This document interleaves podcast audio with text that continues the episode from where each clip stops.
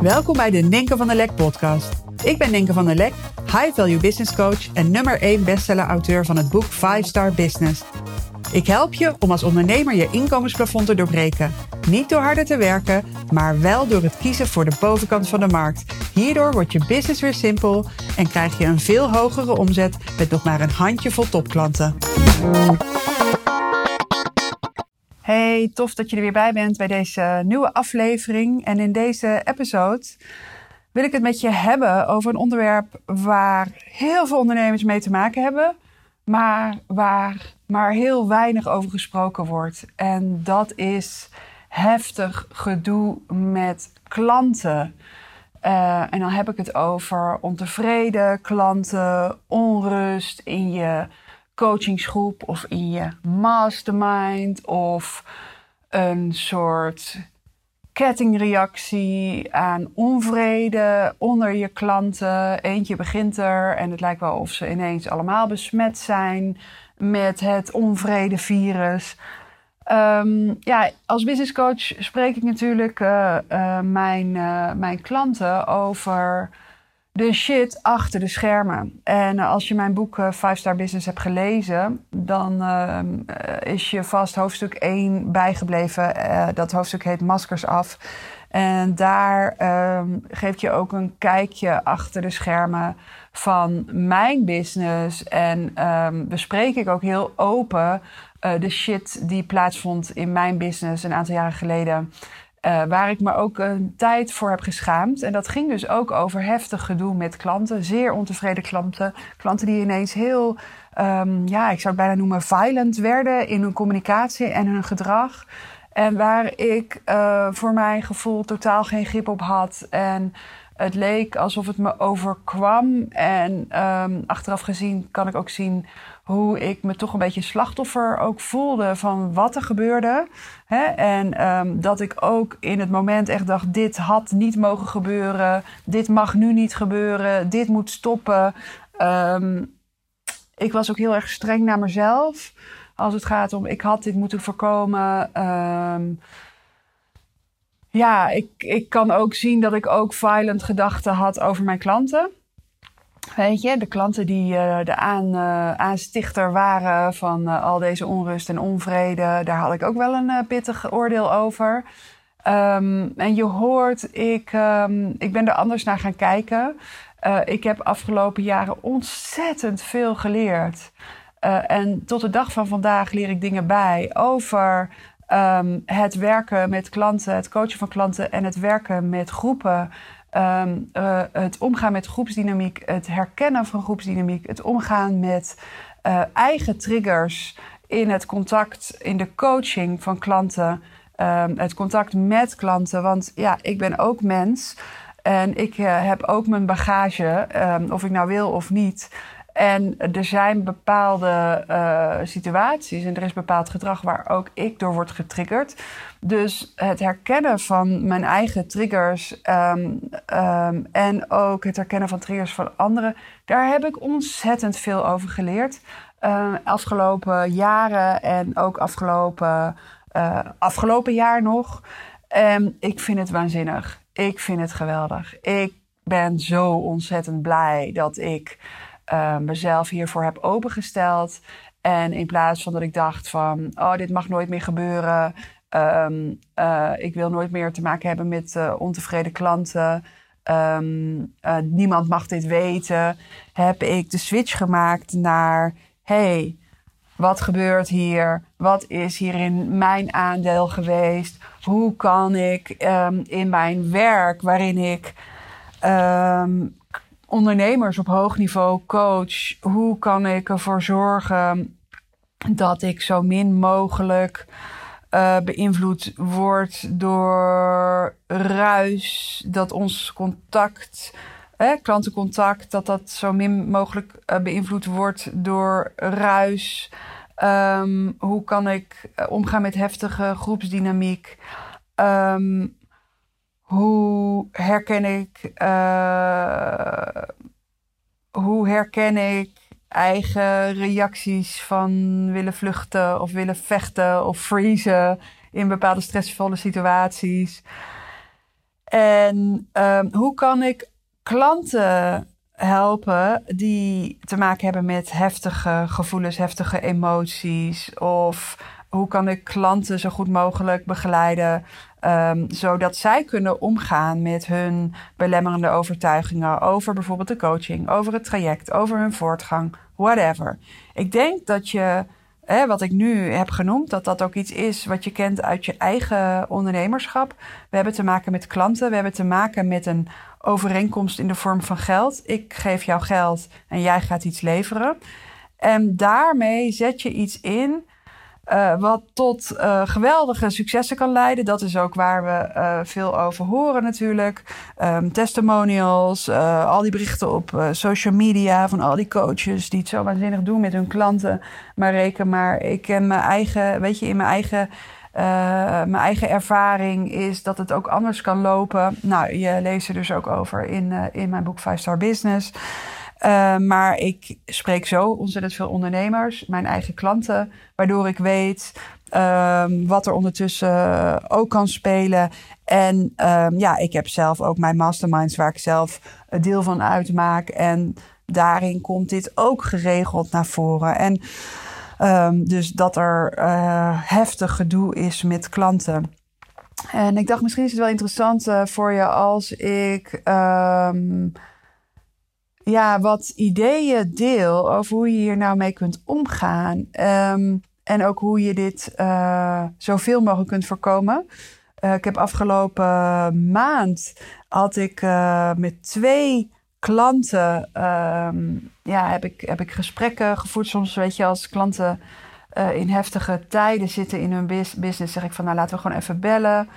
Um, dit vind ik ook zo heerlijk aan het werken met premium klanten. Ik voel space, ik voel ruimte. Ik word uh, niet zo in beslag genomen door mijn eigen marketingcircus als vroeger. Uh, de coaching van mijn klanten staat op één. En ik kan er dus zijn voor mijn klanten op een moment dat, um, uh, op het moment dat er stront aan de knikker is, zeg maar.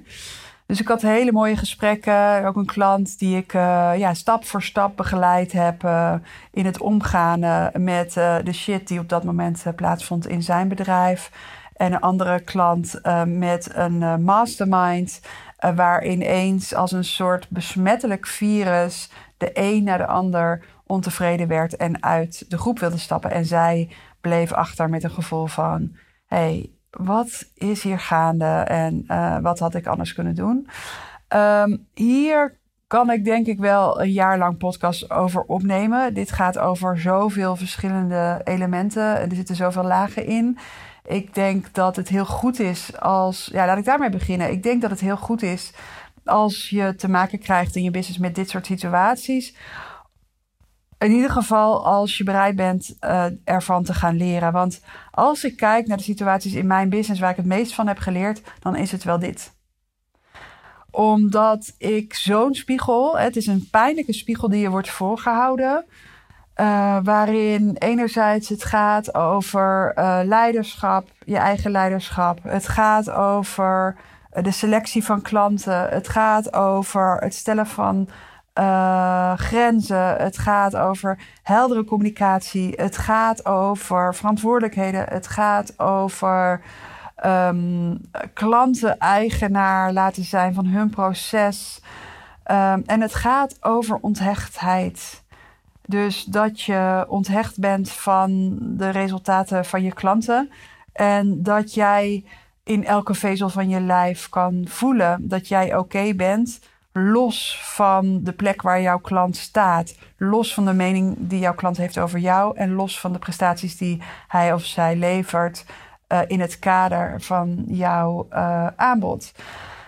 En dat is heel veel bij elkaar. Dus dat er iets samenkomt, um, dat er iets samenkomt in zo'n samenwerking is heel erg logisch. En het is dus heel leerzaam om het mee te maken, ook al kan het super pijnlijk zijn. Ik heb, weet je, de situatie die ik beschrijf in mijn boek, die heeft me echt ontzettend pijn gedaan. Daar heb ik echt jaren last van gehad. En met terugwerkende kracht denk ik, wow, waarom moest je zo violent zijn naar jezelf toe? En jezelf zoveel uh, blamen en naar beneden halen en naar beneden praten. En waarom ja, heeft het je zo angstig gemaakt. Maar het, de situatie heeft op pijnlijke plekken gedrukt. Waar ik nog wat werk in te doen had. Hè? Dingen die ik nog mocht aankijken.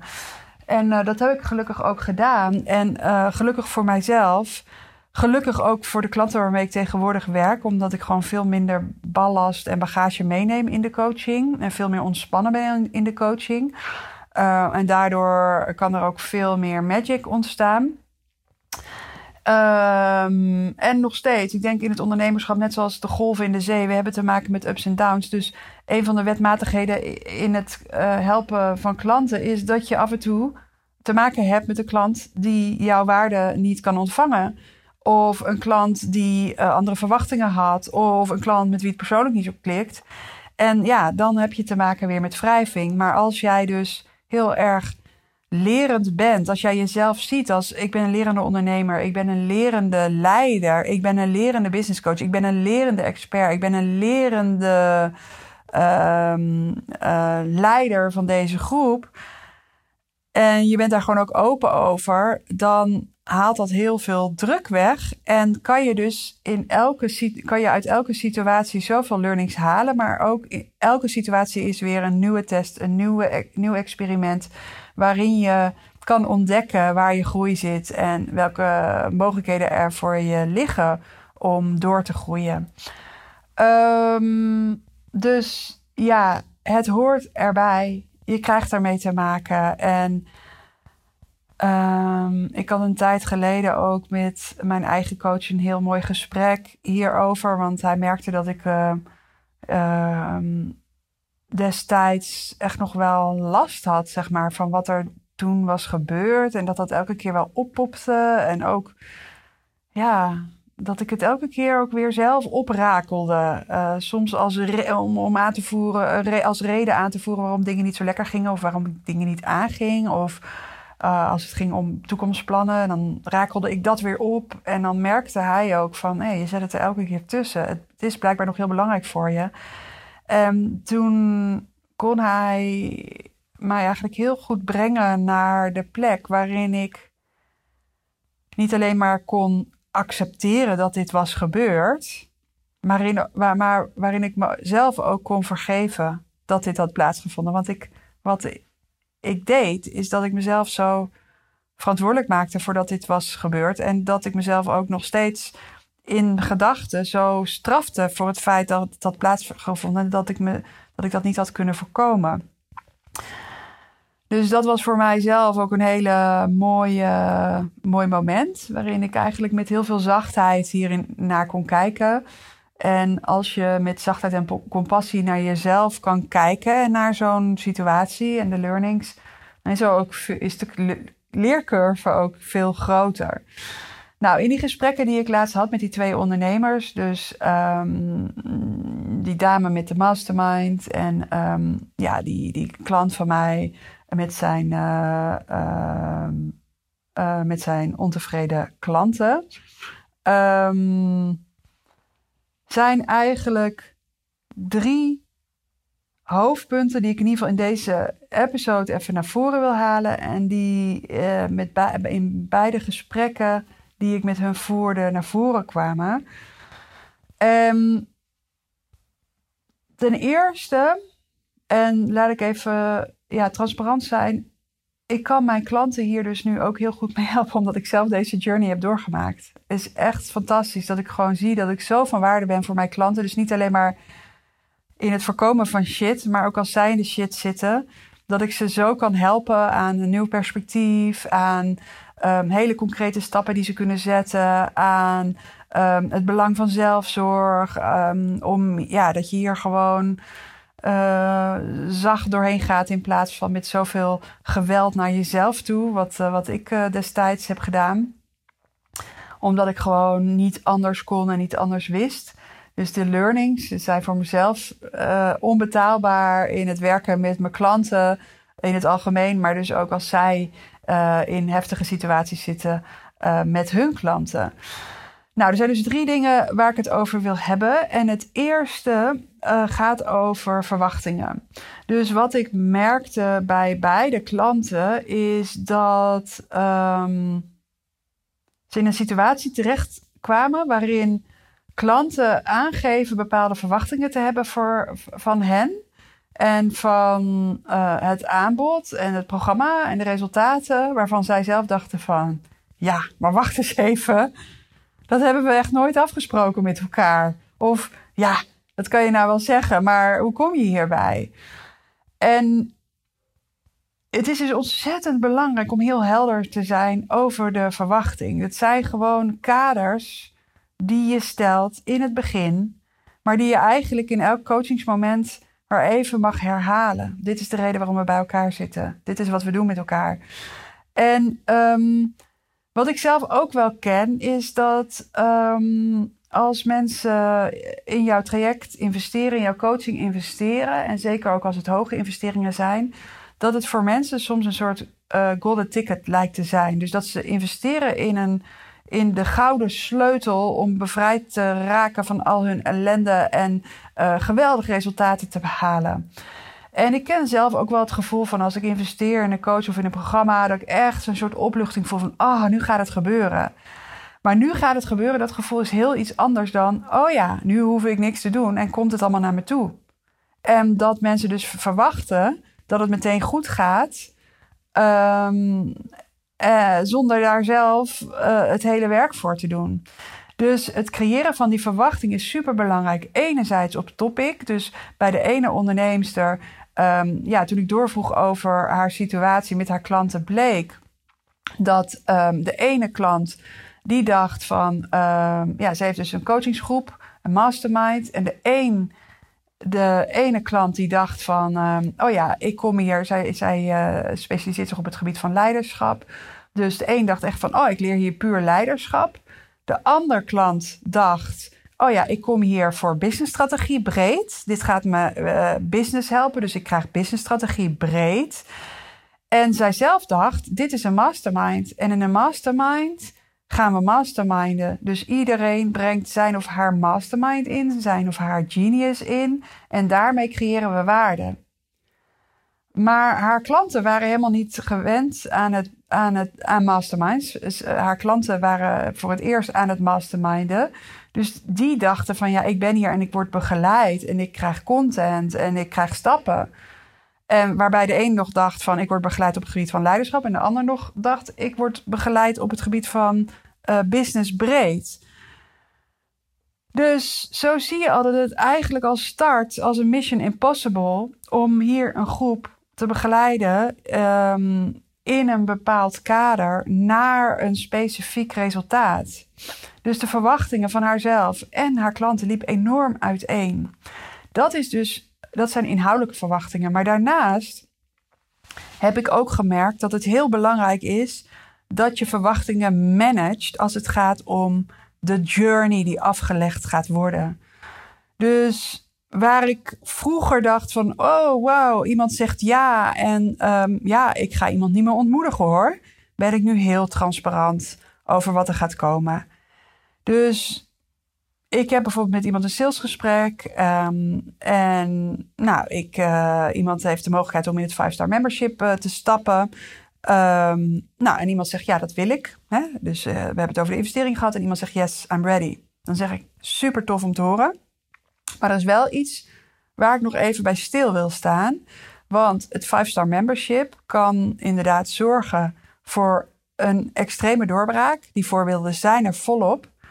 Maar het is wel een journey met highs en lows. En ik weet dat we natuurlijk het liefste alleen maar de lows willen. Maar die kunnen we alleen maar bereiken als we ook bereid zijn. Hè, zei ik nou de lows? We willen met z'n allen de highs. We willen met z'n allen de highs. Maar de highs kunnen we alleen maar bereiken als we ook bereid zijn de lows te omarmen en de hele journey te maken. En dan vraag ik: ben jij bereid om deze hele journey te maken? Ik zal je daarin begeleiden.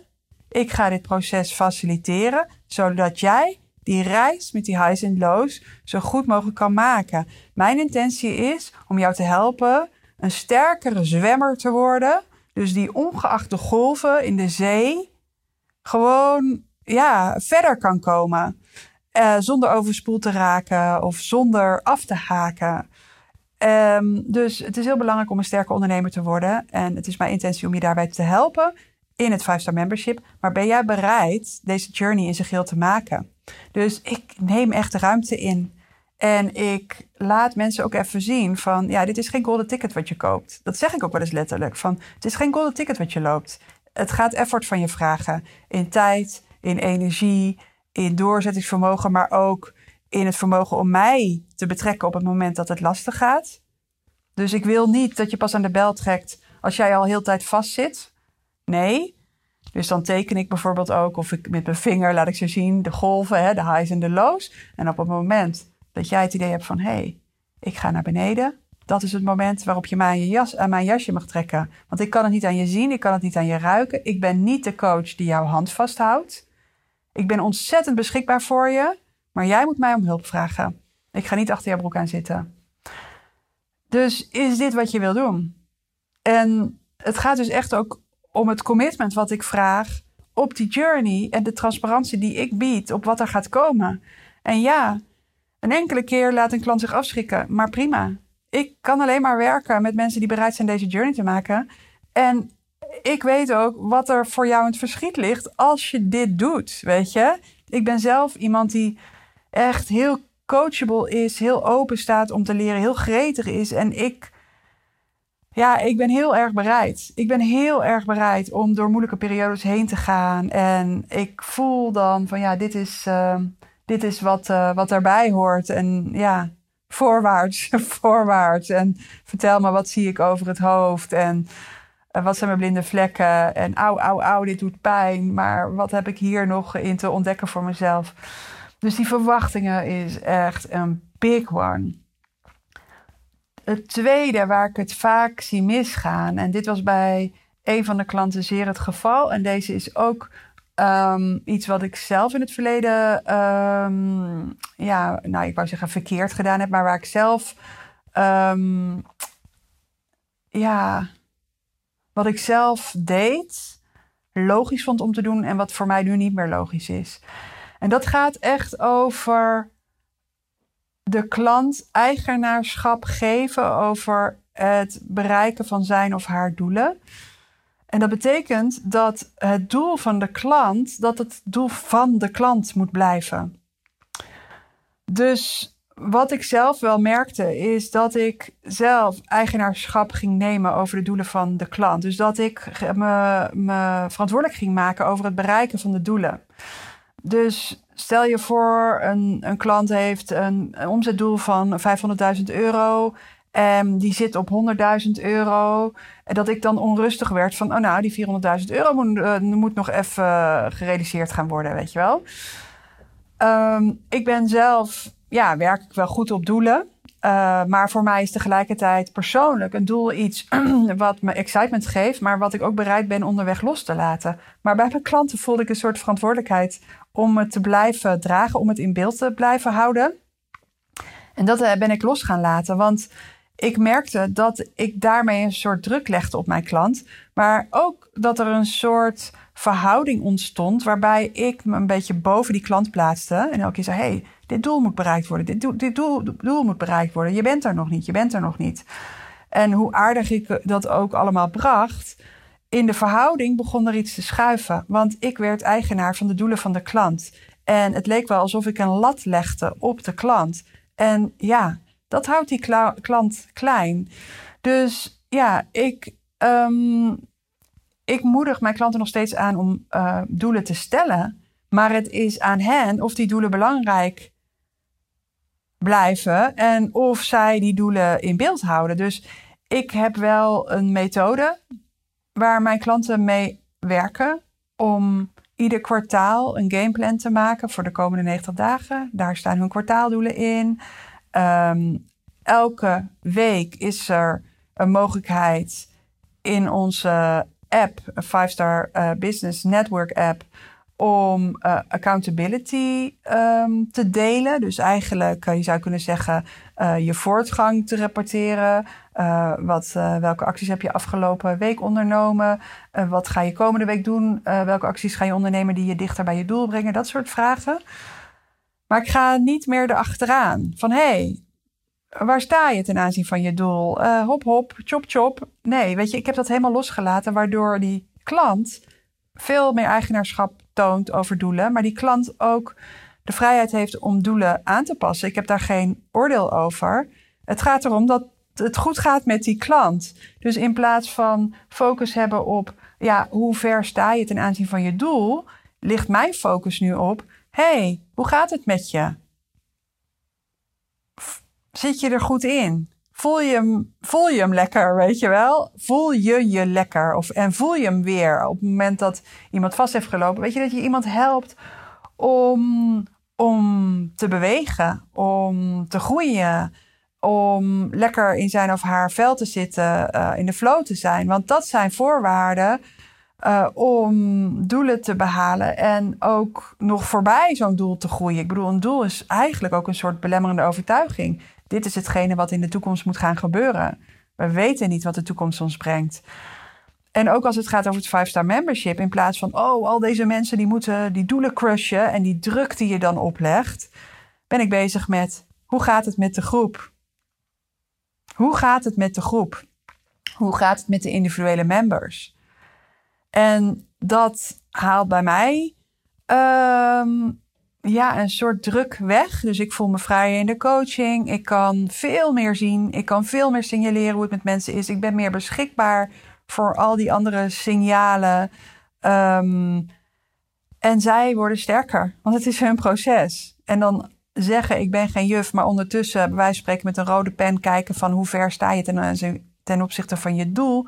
Nee, dat, dat legt dus een druk op iedereen en op de groep. Um, en nu is er veel meer ontspanning in de groei en kan er ook veel meer bereikt worden. Dus dit is denk ik ook een big one. En ik zag het dus zeker bij een van de twee ondernemers.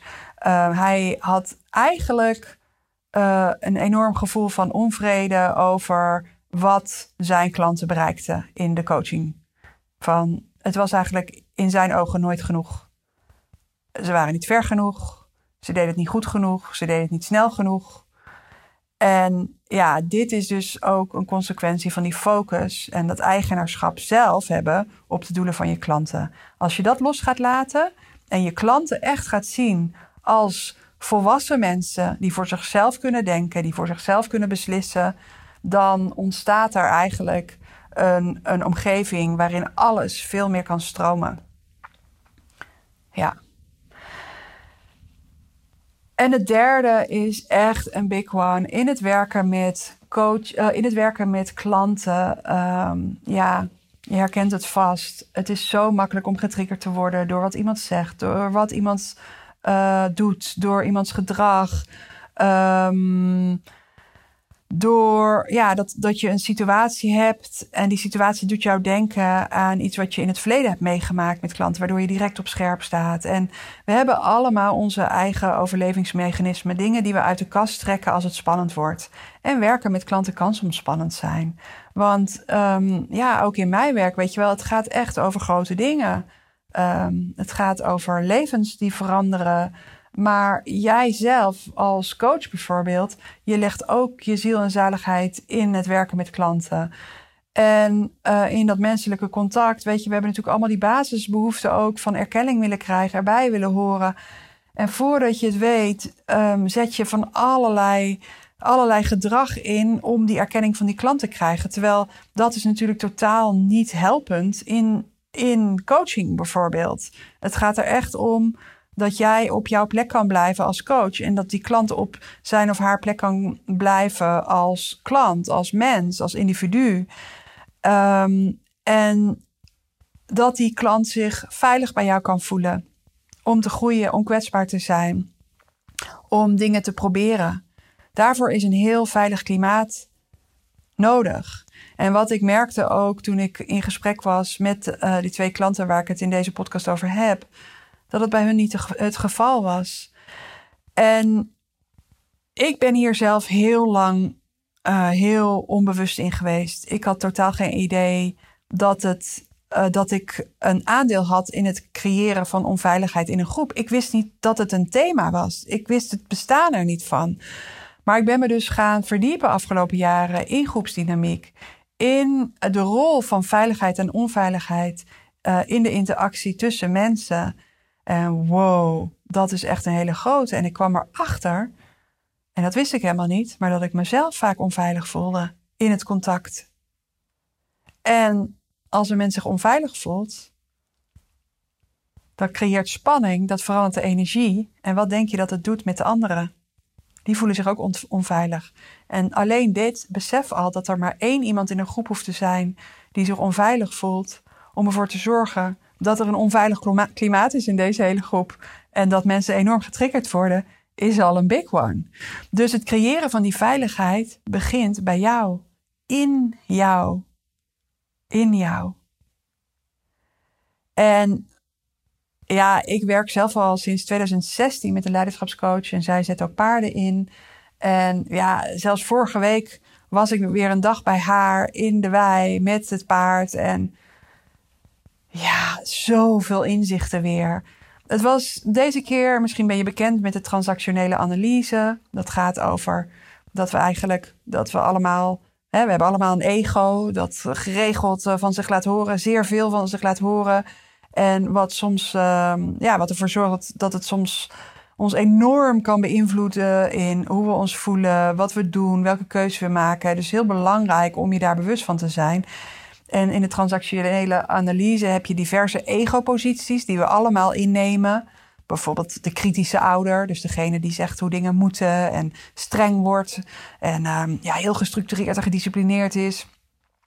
Uh, het aangepaste kind, dus degene die pleased en bang is dat het, het verkeerde te doen. En nou, dan heb je nog um, um, het vrije kind.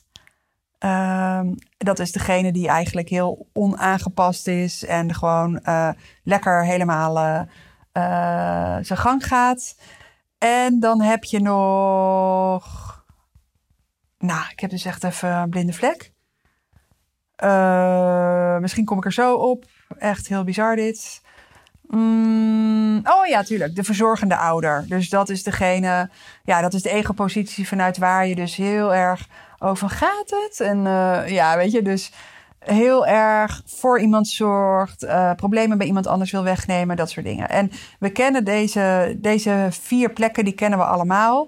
En daar wisselen we ook in. Maar in bepaalde situaties ben je vooral heel erg geneigd in de ene in de ene ego-positie te gaan. En ja, bijvoorbeeld met mijn kinderen, als, ik, als, als er heel veel geluid is en ik ben moe en alles, ja, dan stap ik direct in die kritische ouder. En dat is van, uh, jongens, ik tel nu tot drie. 1, 2, 3 en iedereen stil, weet je wel. Dus heel uh, commanderen. En ja, die ken ik dus bijvoorbeeld van mezelf. Die ken ik ook van mijn eigen moeder, weet je, dat ze dat deed. Dat is iets wat ik heb geleerd. Maar ik ken in andere situaties ook de verzorgende ouder. Of ook het aangepaste kind, degene die het allemaal goed wil doen. En uh, het vrije kind, degene die uh, gewoon lekker, lekker los wil zijn. En het gewoon helemaal op haar eigen manier wil doen. En die ego-posities in, in de vergrote vorm um, triggeren we een ander daarmee. Dus als je in die energie staat van een van die vier posities, heeft dat ook effect op een ander. Dus um, de kritische ouder creëert een aangepast kind. De verzorgende ouder die uh, creëert het vrije kind. Dus degene bij, die eigenlijk, ja, bij wie het allemaal om, om hem of haar uh, draait. En die het helemaal zelf mag weten. En ja, um, die onaangepast is eigenlijk. En uh, die, ja, de karikatuur daarvan is eigenlijk narcisme. Um, de karikatuur van het aangepaste kind is de rebel. Degene die echt, ah, weet je, uit dat keurslijf wil en dat met veel geweld doet. Nou, in die wei, uh, vorige week nog, in gedachten ging ik in die positie staan. Dus mijn energie veranderde daardoor mee. En het paard, wat echt zo'n mooie, eerlijke, heldere spiegel is, altijd zo trouw is aan zijn eigen gevoel. Want een paard wil zich veilig voelen. Dus een paard, als een paard zich niet veilig voelt, laat hij dat direct zien in zijn gedrag. Nou, dat was echt zo bizar. Dus in gedachten ging ik bijvoorbeeld in die energie van die kritische ouder. En dat paard ging helemaal achteruit, weet je wel. Dus echt bang om mijn buurt te komen. Maar um, um, nee, dat was. Dat is trouwens niet waar. Dat gebeurde toen ik het bij het aangepaste kind was. Want wat er gebeurde toen, het, toen ik in die energie zat van die kritische ouder dan zou je zeggen, nou dat paard wordt dan het aangepaste kind. Dat ligt daar tegenover. Dat is het, het, de reactie daarop. Hè, op het moment dat ik heel erg in die kritische energie zou zitten. Maar blijkbaar gaf ik zoveel kritische energie dat dat paard helemaal op hol eh, schoot, op hol ging, compleet ongrijpbaar werd en um, ja, echt aan het rebelleren was. En dus die transactionele analyse, wat echt een soort theoretisch concept is, wat ik dus echt heel leerzaam vind over die vier ego-posities. In de praktijk zag ik dus wat er kon gebeuren als ik bijvoorbeeld bij een klant, met een klant bezig ben en kritisch de doelen zou bewaken en elke keer die klant aan die doelen zou halen. hey, jij bent hier om het bereiken van die doelen. hey, hey, hey, ga jij eens even wat harder lopen. hey, hey, hey, doe jij eens even niet zo moeilijk.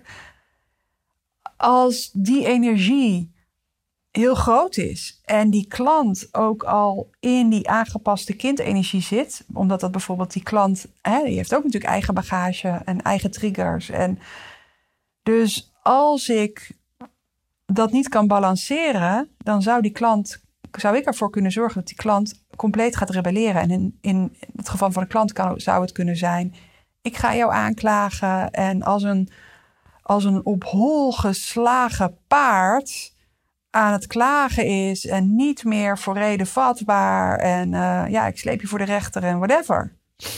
Nou, als je mijn boek hebt meegemaakt, uh, mijn boek hebt gelezen, dan weet je dat ik dit heb meegemaakt.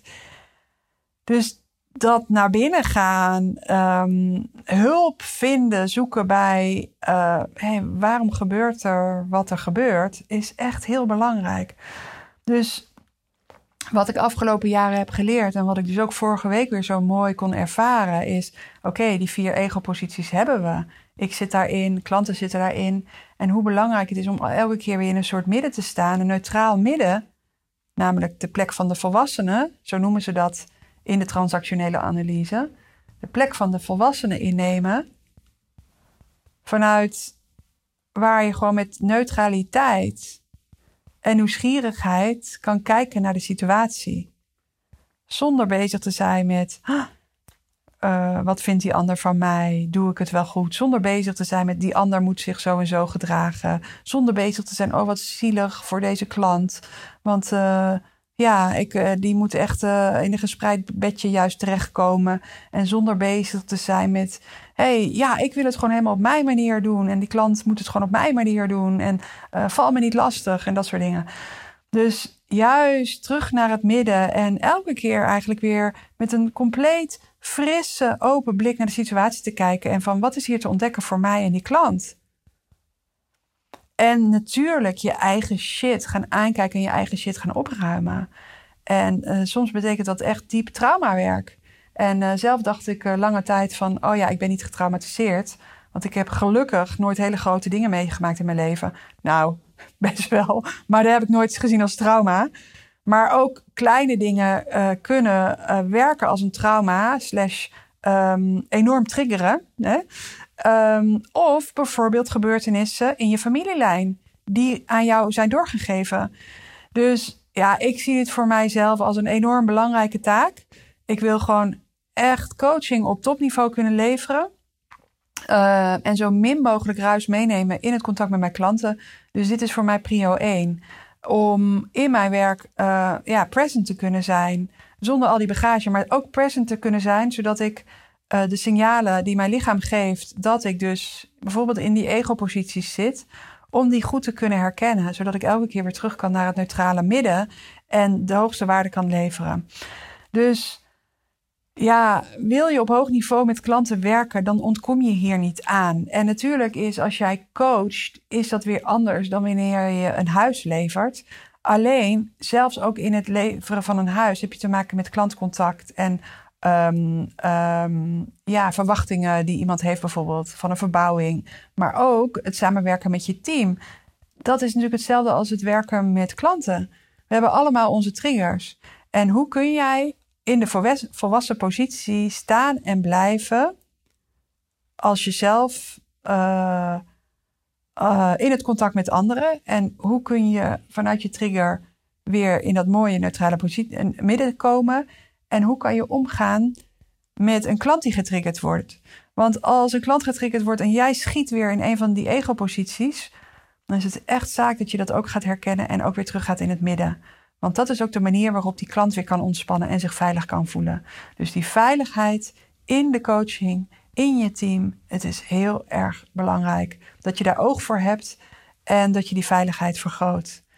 Ik vind dit proces enorm rewarding in mijn hele leven. Ik merk gewoon hoeveel kalmer ik ben, um, hoeveel meer ik van mezelf hou, hoeveel meer ik van mijn klanten hou, uh, hoeveel liefdevoller ik uh, ben als moeder, maar ook hoeveel meer um, ik de mensen van wie ik hou uh, los kan laten. Dus op hun eigen plek kan laten staan, waardoor zij kunnen groeien en keuzes kunnen maken voor henzelf. Dus ja, heftig gedoe met klanten. Het kan ontzettend turbulent zijn. Je kunt er enorm van wakker liggen, uh, last van hebben, je voor schamen. Um, als je open staat voor de learnings, wauw, ze zijn van zo'n grote waarde. Uh, ze zijn echt goud. Goud voor jezelf, goud voor je, je naaste, je geliefde en goud voor je klanten.